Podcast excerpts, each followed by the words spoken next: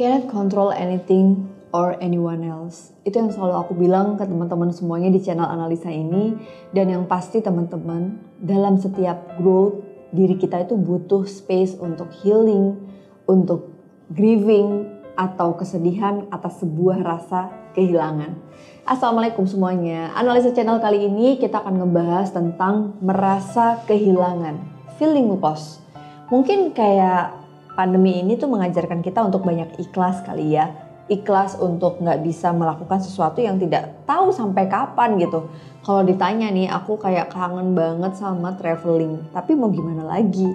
Aku menempatkan diri sebagai teman-teman yang mungkin COVID survivors di luar sana atau keluarga COVID survivors yang mungkin sekarang harus ditinggalkan karena COVID.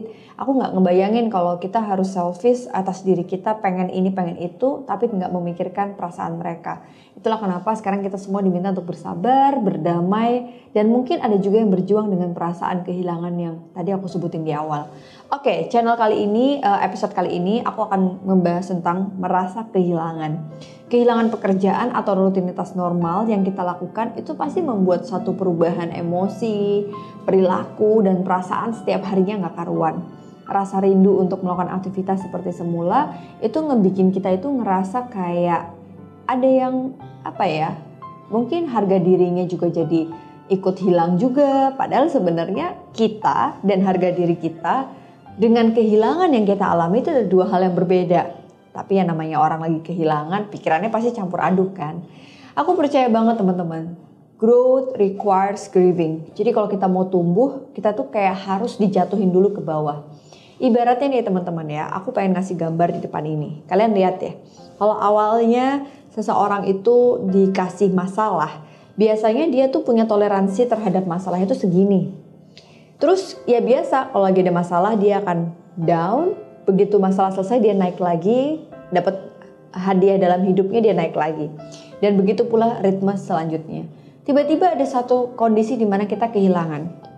Ternyata kita ngerasa, ya Allah aku nggak kuat lagi, ini di luar batas kemampuanku. Seperti kita tuh kayak dijatuhin di bawah banget, yang kita tahu ini nggak bisa ditoleransi oleh diri kita sendiri.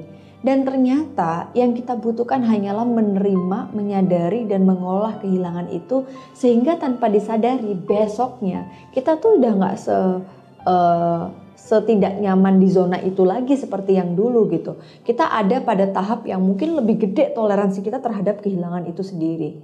Jadi apa yang aku pengen bilang ke sini teman-teman? Kalau kalian lihat gambar ini dari Dr. Dan Sikil, toleransi kita terhadap sebuah rasa kehilangan itu akan membuat kita memantulkan diri kita lebih tinggi.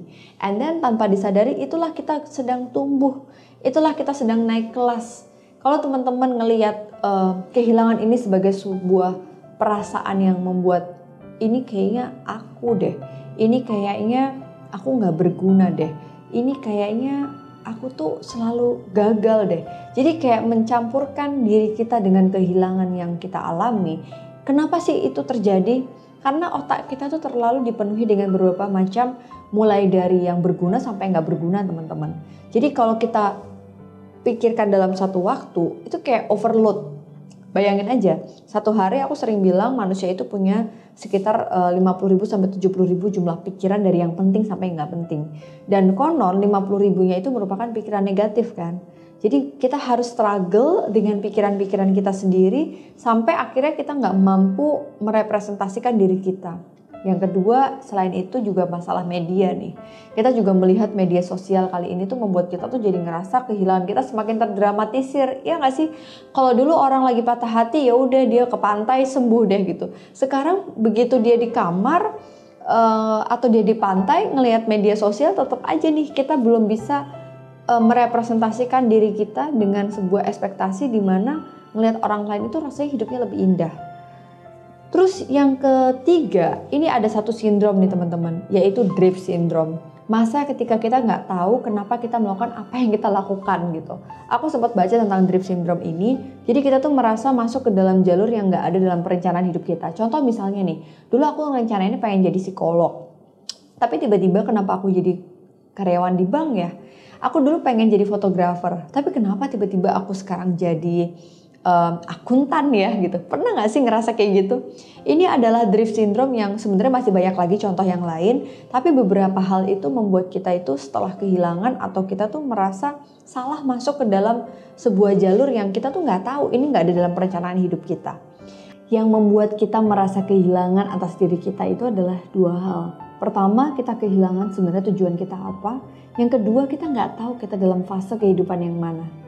Itu pertanyaan yang sering muncul. Dan apa yang harus kita lakukan teman-teman?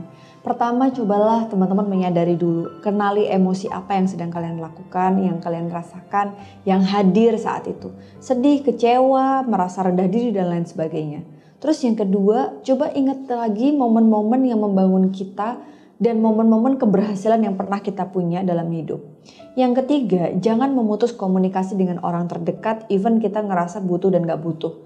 Artinya kadang-kadang komunikasi itu tuh membuat kita terkoneksi dengan dunia nyata gitu.